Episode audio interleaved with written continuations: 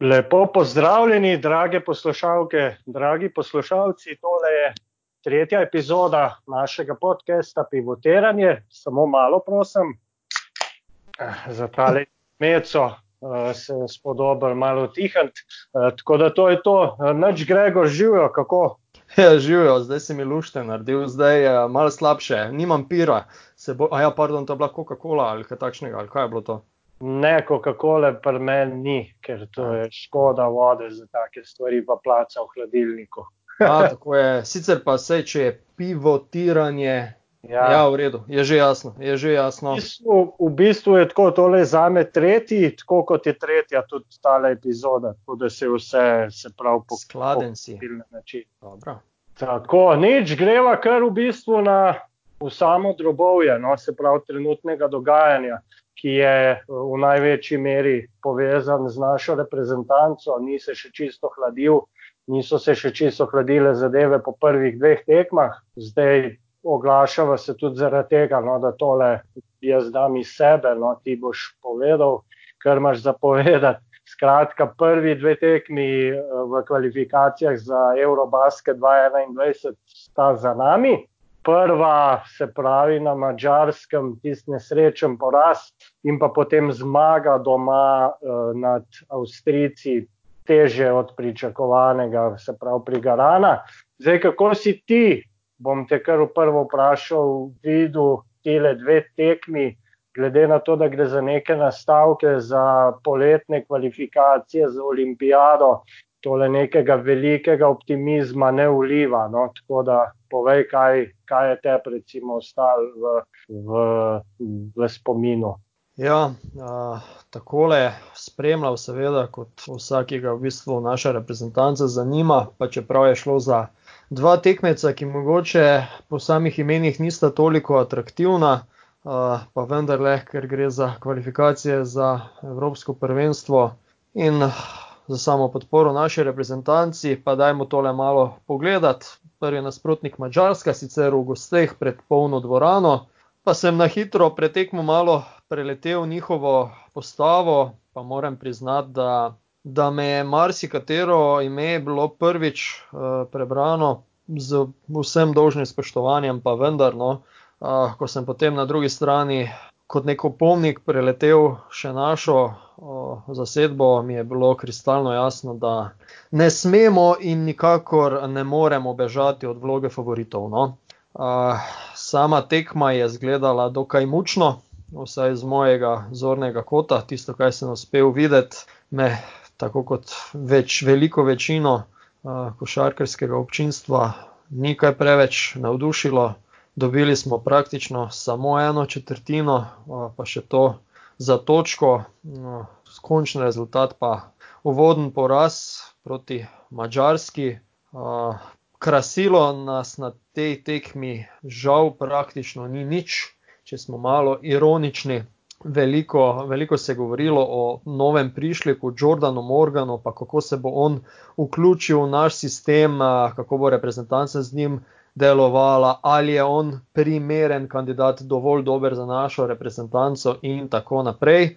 Na koncu se je izkazalo, da je bil Jordan Morgan v bistvu, vsaj statistično gledano, po indeksu uh, naš najboljši igralec, ja.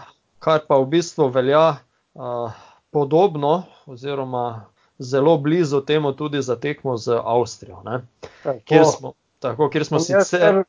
Ja, bom jaz kar malo skočil, no, ker bodo kritike padale tudi z najne strani, ampak si ravno omenil Jordana Morgana. On je v bistvu edina neka svetla točka z obeh tekem in zdaj ne bom rekel, da ostali niso dali vsega od sebe, to bog ne dej, ampak če gledamo generalno na obe tekmi, je on tisti prvi ali pa celo edini, ki si zasluži dejansko eno pozitivno oceno. Ni bila borbenost pod vprašanjem, motiv tudi ne, mogoče celo bolje zgledal on zagret, kot kar marsikater drug.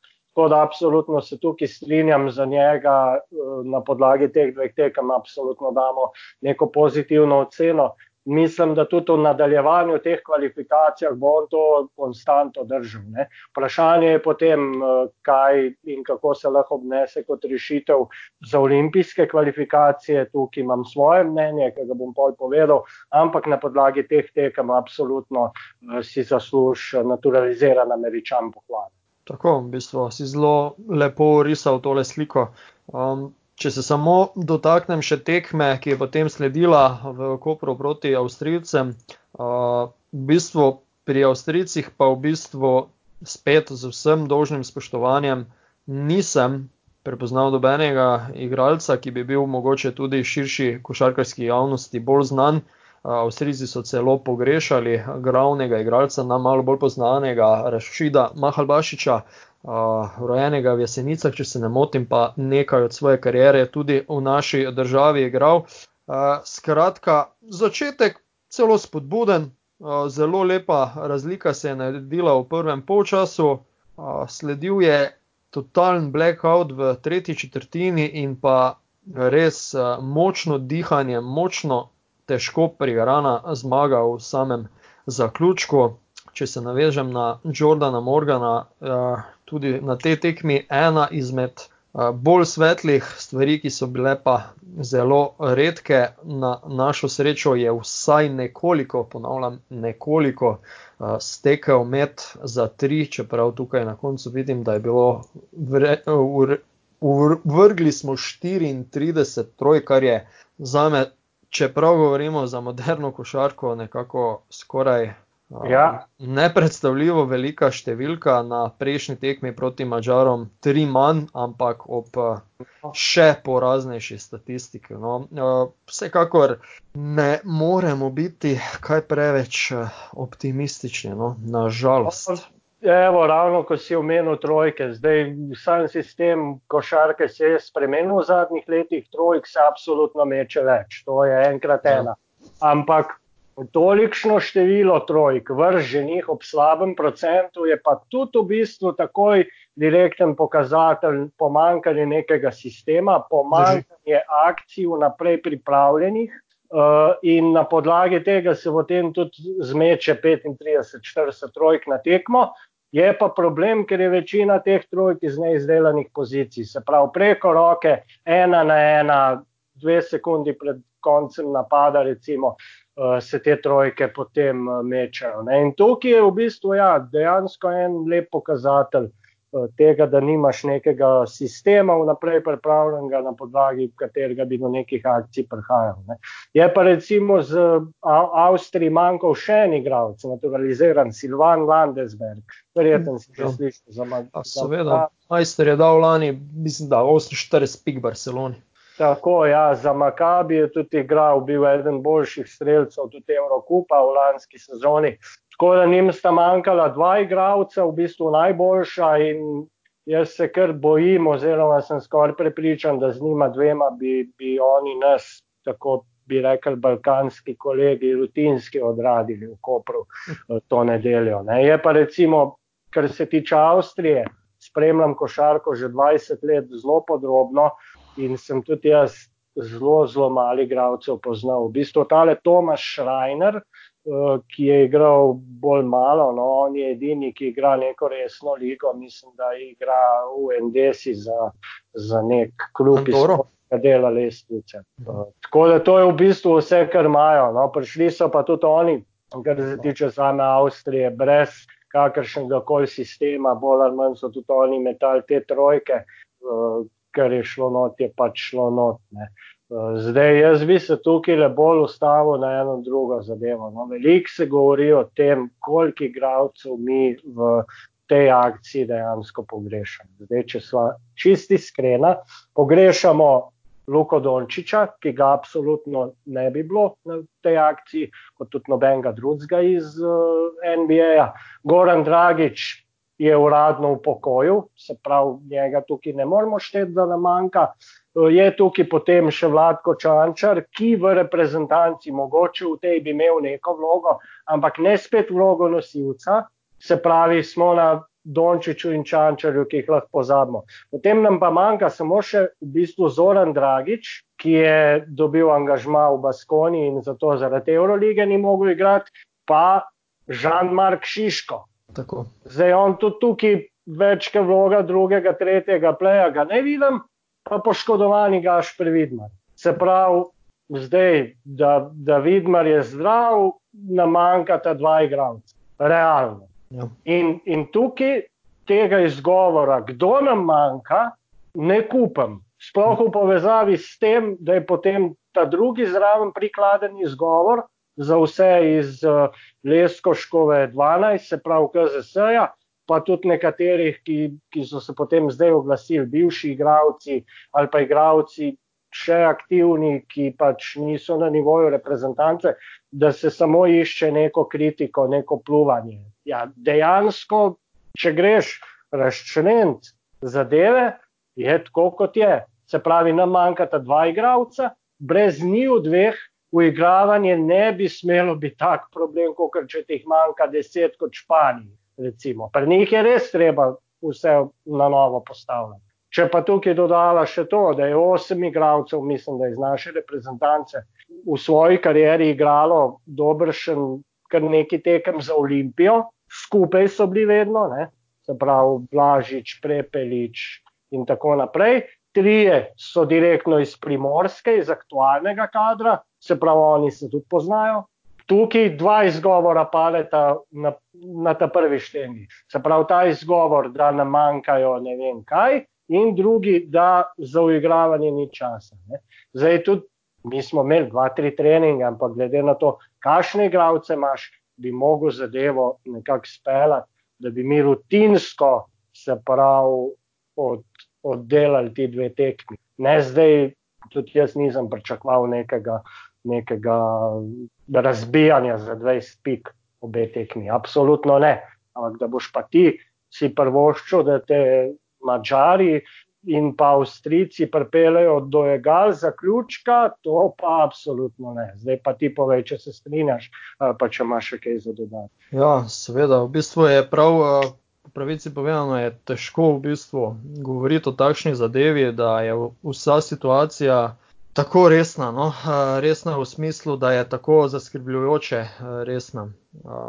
Ja, igralci se poznajo, morali bi se poznati že lep čas, dobro, vsak ima svoje vlogo, svojo vlogo v različnih klubih. Bolj kot ne so to igralci, ki imajo v svojih klubih celo vidno vlogo. Vse prej pa se je dogajalo, da akcije niso bile izdelane, kot se že sam prej rekel, da se ni točno vedelo, kdo pije, kdo plača na terenu, um, za koga so mogoče akcije nastavljene ali ko se čas izteka kakorkoli nekako zbegano je vse skupaj delovalo. Jaz bom sicer šel na tej točki malenkost v prid uh, selektorju, ko je dejal, da je imel pravo pripravo na tekmec oziroma na tekme v bistvu dan, dva, kakorkoli. Ja, to drži, lahko rečemo tudi, da je mogoče Mačarska v prvem primeru imela kakšen dan, dva, tri več, ampak Mačarska ima svoje probleme, Slovenija ima svoje probleme, mi smo aktualni prvaki z kar nekaj fanti iz te, iz te reprezentance, ki je zastopala, se pravi, fanti, ki so sedaj igrali za to reprezentanco na teh dveh tekmah. In tudi v komentarjih pred samo tekmo je bilo zaslediti, da se mi moramo obnašati tako, kot da smo evropski prvaki, da se pravi, nek respekt moramo dobiti z nasprotne strani. Zdaj ne vem, če smo ga dejansko tistega strahu, spoštovanja, kaj dobili, kar je seveda edino pravilno, zakaj bi moral nekdo pred nami poklekniti, nismo pa mi naredili nič v smeri tega, da bi kakorkoli ubranili ta naš sloves. Kar se tiče naše zasedbe, ja, dejansko pogrešamo igralce, kateri pač enostavno ne morejo biti zraven. To nismo zvedeli prejšnji teden. Na to smo morali biti pripravljeni prej. Verjamem, ne verjamem, prepričan sem, da je zasedba dovolj kvalitetna, da bi lahko pripeljala dosti lažje tekme do zaključka, da bi se lahko tudi ne na zadnje izognili samemu porazu proti Mačarski. Pa bog ne daj, da še nismo imeli Jordana Morgana, ne, ki je v bistvu se lahko kosal spodaj, ostali. Delež ostalih ni bil ravno, ne vem kaj, vemo, da je Murič predvsej pomaknjen ven na zunanjo linijo, dobro proti Mačarom, niti ni bilo toliko, toliko z njegove strani, medtem ko proti Avstriji je še dal svoje. V glavnem, to, kar se moramo danes žal pogovarjati, analizirati, kakorkoli, kot kauč selektorji ali ne, uh, mislim, da bi moralo biti dosti bolj pozitivno. Uh, zdaj, z radom ali s komkoli drugim, uh, tole bi moralo biti vsekakor malo bolj pozitivno. Uh, ker tudi, ko se bodo enkrat vrnili naši najbolj pa tudi če Luka Donči zraven, ukolikor se bo njega samo gledalo, ne bomo naredili dosti. Ne. Ja, naravno. Nek sistem moramo razviti, če imamo en dan časa ali če imamo deset dni časa, na tak način tole ne izpelje. Ja. To to. Ja, ravno to. No. Sicer v tej reprezentanci pogrešamo absolutno liderja, bom rekel. No. To sta bila liderja, absolutno tako.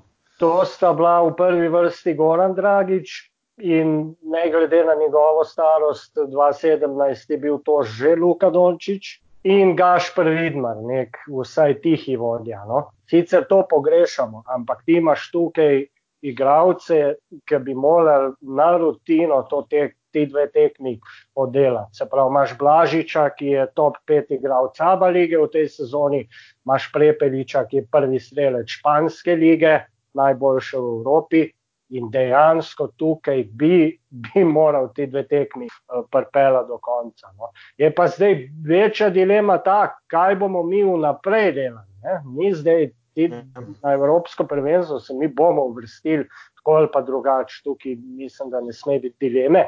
Pa problem so olimpijske kvalifikacije, ker bi lahko zdaj mogoče s kakšno kadrovsko rošado pa direkt na selektorskem mestu, bom povedal, zadeve že malo igrava, da ne bo spet 5 pred 12 poleti nov selektor in tako naprej. Ne. Zdaj, Telefonovič, zakaj ima on tako podporo strani KZS-ja, se niti ne bi spuščal, ker ne vem, nisem tudi tukaj, nimam takega upogleda, ampak dejstvo je, da, da se gospod oziroma fant se muči, muči sebe, muči vse skupaj kar je bilo tudi vidno po tistem izpadu z novinarji po koncu tekme z Avstrijo, ko je on na smrt zagovarjal tezo, da je bila tekma dobra.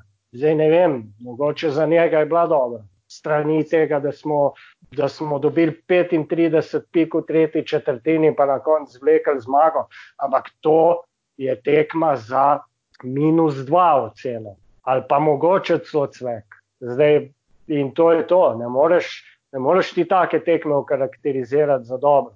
Edino, kar bi bilo normalno za moje pojme, je, da se reče, odigrali smo katastrofalno obe tekmi, nismo se dobro pripravili in bomo probali v prihodnje to narediti boljš. Ne pa iskati nekih izgovorov in to izgovorov, ki jih vsak, ki saj mal gleda košarko, ki se mal zastopi, da ne bomo zdaj izpadli kot kao tisti kavci elektori, ki sam pluvajo, vsak te izgovore vrže takoj, lahko, ne? ker ne pijejo vode.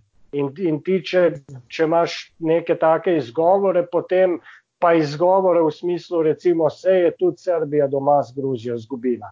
Poglej roster Gruzije, kjer igrajo mhm. Šermadini in podobni, kjer imajo v zadnjih letih kontinuiteto nekih rezultatov, nastopov na Eurobasketu, Kokoškov je tam zadevo odlično postavil. In da ti primerjaš to z našim porazom, z Mačari ali pa s tem mučenjem z jodlari v navednicah, kot je spravimo s klicem, to ni primerjave, niti približno. Ne? In tudi to ne pije vode in to takoj pade in s tem si samo še vsi glavni akteri znižujejo kredibilnost oziroma še prilivajo olje na ogen, da bo ulica, se pravi in dežurni pljuvači in tisti, ki imajo argumente, še imeli več materijala. Ne. Zdaj, da mi ti povej, kako ti vidiš zdaj prihodnost, recimo s Trifunovičem, brez Trifunoviča, to niti ni važno, kaj nas čaka poleti. Ja, radost je z temle pogovorom, če sploh lahko rečem temu pogovor, potekmi z novinarji prilil veliko olja na ogen. No. Ne vem, če mu je bilo na tak način potrebno se iti v debato z novinarji. Ja, dejansko je bolj delovalo vse skupaj kot neko iskanje izgovorov, kakorkoli. Rada, kolikor toliko poznam, gre za izredno v redu, korektnega fanta, ampak kot včasih rečemo, korektni v redu fanti ne vodijo podjetij, tako naj ne bi bilo tudi za reprezentanco. Ne. Trenerji naj bi bili oštri, uh, se je povedalo igralcem, kako in kaj. Včasih si je potrebno tudi naliti malo čistega vina, uh, si pogledati v oči, zapreti v slačilnico, kakorkoli, v glavnem rešiti. Uh, težave, če jih imamo, si to na glas priznati, in tako naprej, in ne potem se zagovarjati pred javnostjo z nekimi argumenti, ki so uh, mal mimo, no, milo rečeno, mal mimo. Zdaj le naprej. Uh, Do sprememb, takšnih drugačnih, z radom ali brez njega, mora priti. Vkolikor z radom je potrebno postaviti nek drug sistem. Veliko krat se zgodi na če gledamo klubsko raven, da se nosilec dva poškodujeta, pa more nekdo uskočiti. Pa jaz mislim, da je to za igralca, ki prihaja s klopi, oziroma igralca, ki more nadomestiti nekoga pred njim, največja možna motivacija, da bo svojemu trenerju, selektorju, kakorkoli dokazal, da je on zmožen nadomestiti mesto izgubljenega za tisto tekmo. V tem primeru zdaj le gledam na in Blažiča in Prepeliča kot nekega namestnika v reprezentanci, eh, tistih, ki jih trenutno nimamo, bodi si Gorana, bodi si Luke. Uh, ok, če mi zdaj lahko kdo reče, pa saj ste dala, ne vem, 18-20 točk v redu, ampak ko je bilo odločilno, ko je bilo odločilno recimo na tekmi proti Mačarski, v tem primeru pa tistega dejanskega liderja, ki bi zaključil zadevo, uh, pa če se je žoga gor ali dol na robe odvila, kakorkoli, ko potegnemo črto, ga ni bilo, uh, zmaga je odšla drugam. Nismo naredili posla, ne, ko se to reče. Uh, kvalifikacije za olimpijske igre so zelo blizu. Uh, na začetku v tisti skupini, preskupini, kakorkoli se že imenuje, Joj, bom kar rekel, so premagljivi uh, nasprotniki, pa da se ne bom na zadnje predstave, ki je ugriznil jezik. Recimo, da smo napredovali v finale, čaka nas Litva, domačin, polna dvorana, NBA centrska linija, pa še marsikdo od zgoraj, uh, glavnem Litva, prestolnica košarke, kakorkoli uh, država, kjer je košarka religija in zdaj bomo mi igrali proti njim. Na tak način mi ne bomo igrali proti njim, na tak način bomo mi gledali, kako Litva koraka proti vozovnici za olimpijske igre. Ja, proti drugem finalistu, ne z nami, mi bomo lahko. Sej, da se ne bi jaz, ki je res ugriznil v jezik, preko sem že napovedal, da nas vidim v finalu kvalifikacije. Ja, ne, absol, absolutno, tukaj, tukaj je treba nekaj narediti. Zdaj, rado je rekel, vem, da bo šlo name kritika kar je absolutno res. Ampak glede, šla, njegov, ja, ampak glede na njegov odziv, da je rado v srdečo glavo, jaz ga tudi bežno poznam, bom rekel, vedno je pač deloval do konca mirno, eh, tudi nihče od, iz ljudi iz košarke nima proti njemu nobene žale besede za reči. Drži. Vedno dečko, vse. Ampak dejansko, glede na njegov odziv, kako je dejansko ven padel, na, na, pa začel tam sprašvati novinarje direkt, da si ti želiš, da odstopim. Pa se to ni poanta, kaj si jaz želim. Poanta je tukaj, da, da, da se neka higijenska poteza naredi in da on sam dojame, da pač mu je to šlo zvajati. Ni, ni tukaj direkt napad na njega kot osebo, boh ne dej. Ampak dejansko, ja, dejansko sam ga sebe odrešiš tega z, z neko potezo. Ne? Ker igravcev, kar je, je. To, kar imamo, imamo.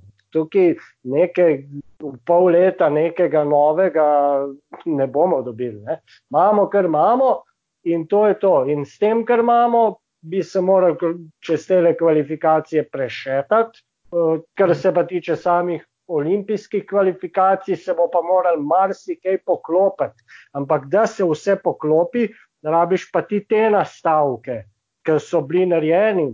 Vsa čas za to, zasajo, ki so bili narejeni pred Eurobasketom 2017. Se pravi, bil je postavljen selektor, bili smo skeptični, tudi jaz nisem bil čist siguren, da bo kokoškov ta ta prav.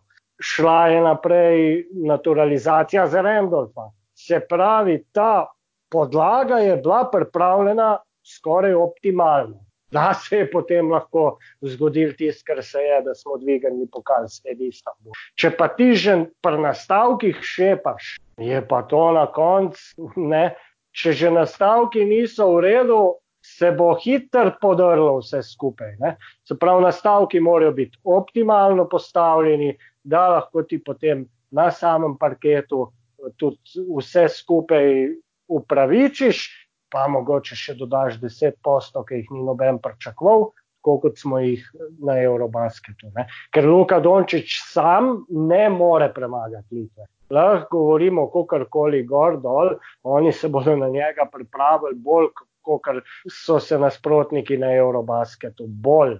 In samo na njega se bodo v bistvu lahko koncentrirali konkretno. Ne? In to, če mu tukaj ne bo imel pomoči, pa če ne bo imela cela ekipa neke samozavesti, ker zdaj je samozavest na nuli. Pa ja. lahko ti poslušaš izjave Muriča, kapetana in ostalih, kako vse štima.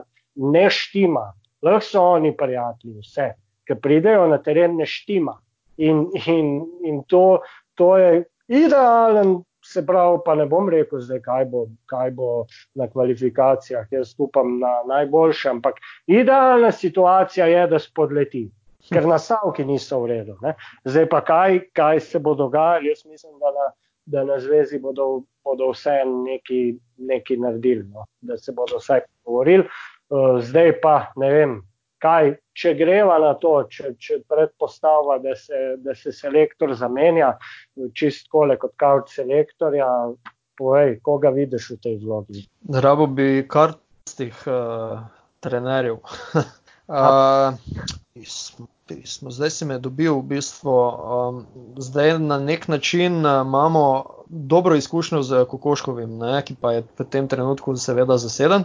Uh, zanimivo je, da je neka tuja avtoriteta naredila drmr, če se izrazim po domače. Ne? Se pravi, z nekim uh, zanesljivim vodenjem je takrat Kokoškov uh, pokazal, kako se stvar streže.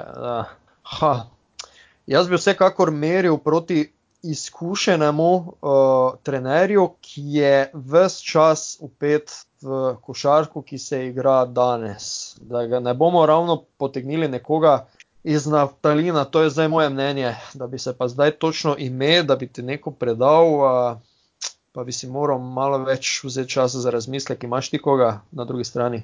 Pa, evo, kar se tiče tega, kar si rekel, da rabo enega izkušenega z avtoriteto, ne? sicer avtoriteto si ti pridobiš Tako. na, med samimi treningi, tekmami in to izključno znanjem. Se pravi, da, te, da igralci vidijo, da imaš ti znanje in te na podlagi tega začnejo sami spoštovati in dobiš respekt in avtoriteto ker nekdo, ki, ki to umetno hoče dobiti, pade zelo hitro in pade zelo grdo.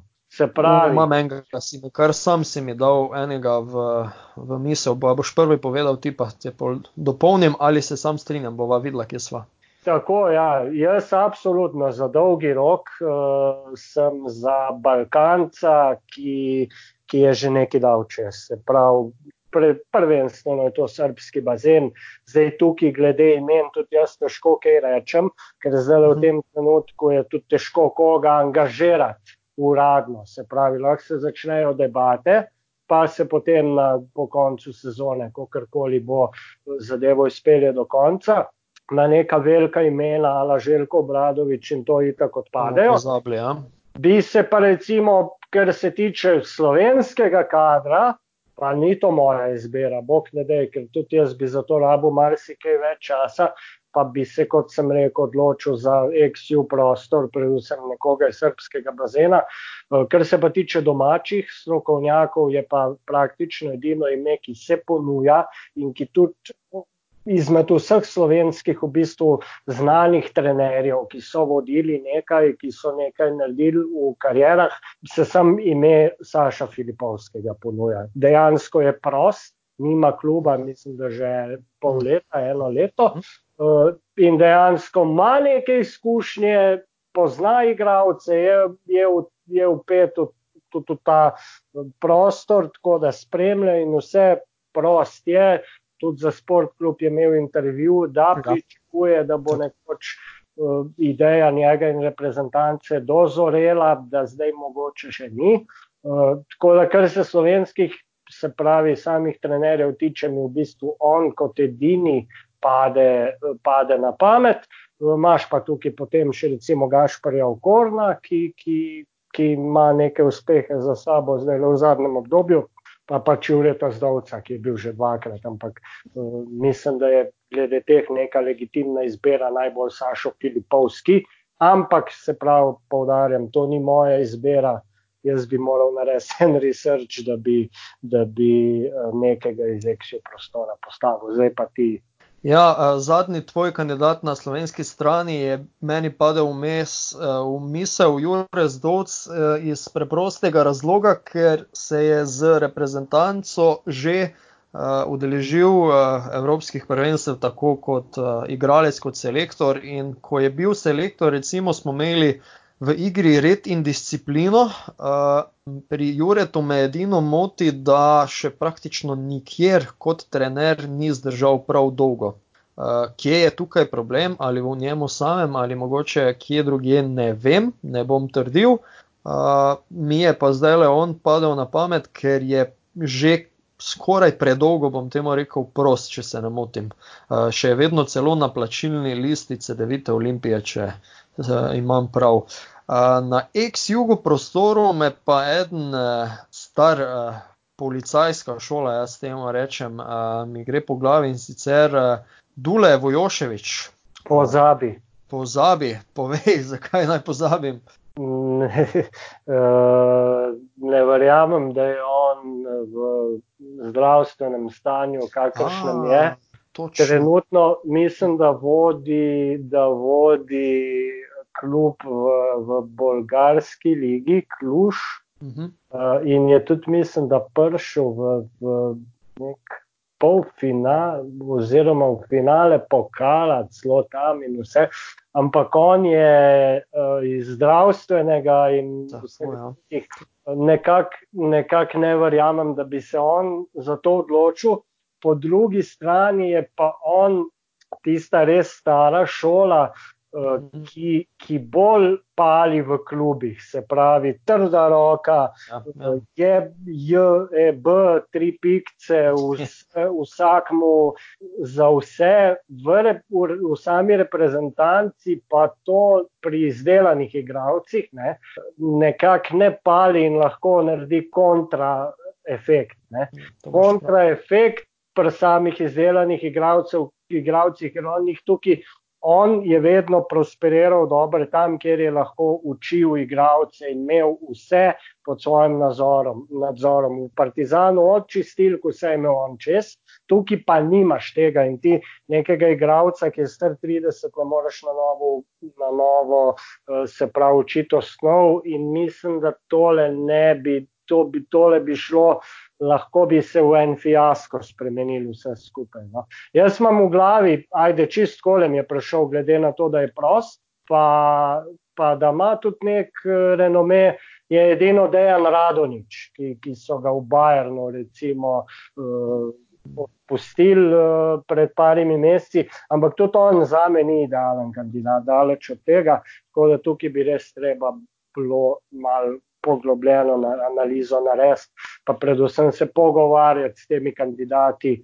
zdaj par mesecev, dokler eh, ne bo do same odločitve. Ampak ideje smo pa dala eh, zelo dobre, se mi zdi. Ja, najboljša ideja je Željko Bradovič. Že, že, ampak tale scouting zdaj v petih minutah je pa bil izvrsten. ja. pa, pa to zdaj ne na moje kandidate, ampak predvsem ti, ki si jih kar stresal iz rokava.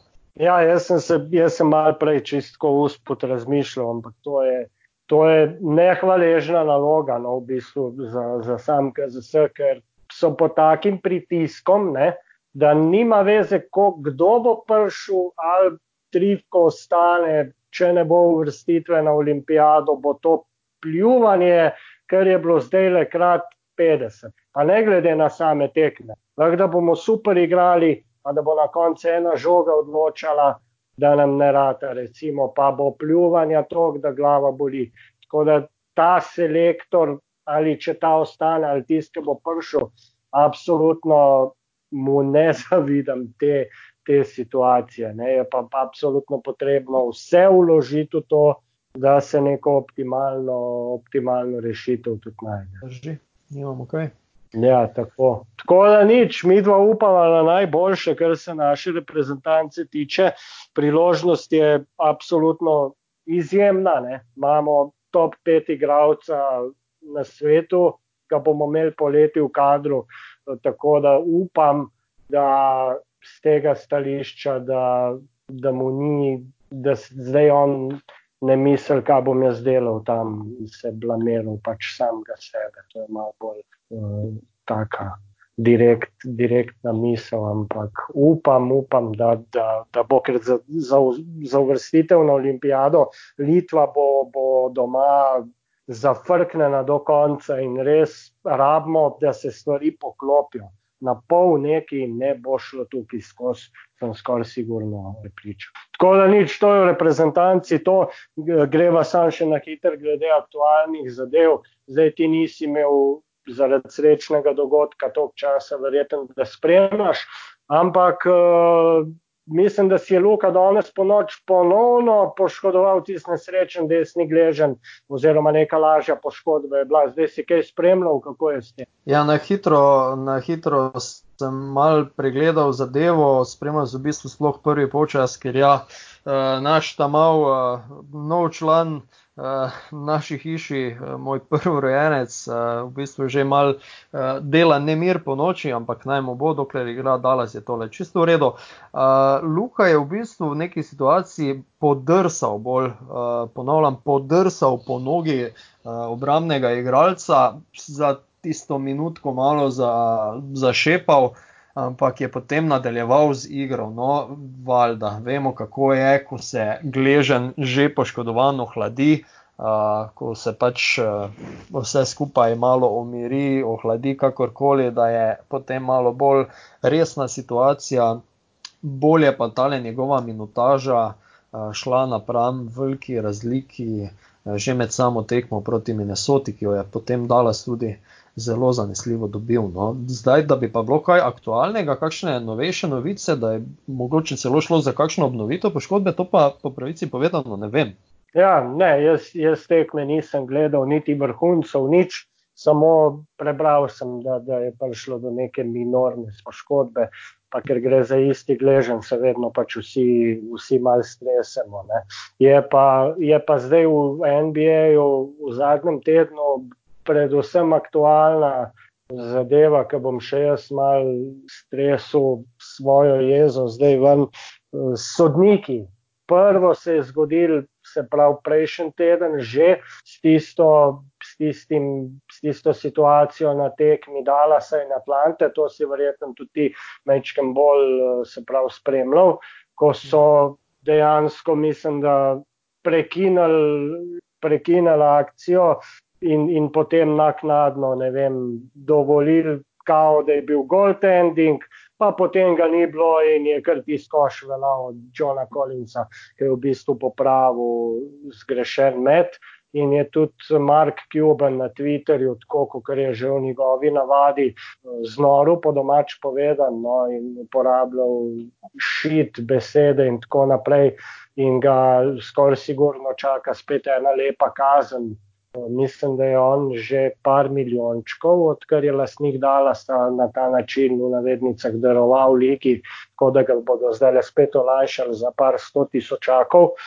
Zdaj si ti kaj spremljal to zadevo, mislim, kar se tiče same, samega tega z Dallasom, ker sodniki v NBA-ju so pa na konc koncev, ko gledaš kakšno tekmo, kjer res se odločijo, da bodo zafrkali po domač povedano vse skupaj, so tisti v Abu Leiji vajenci.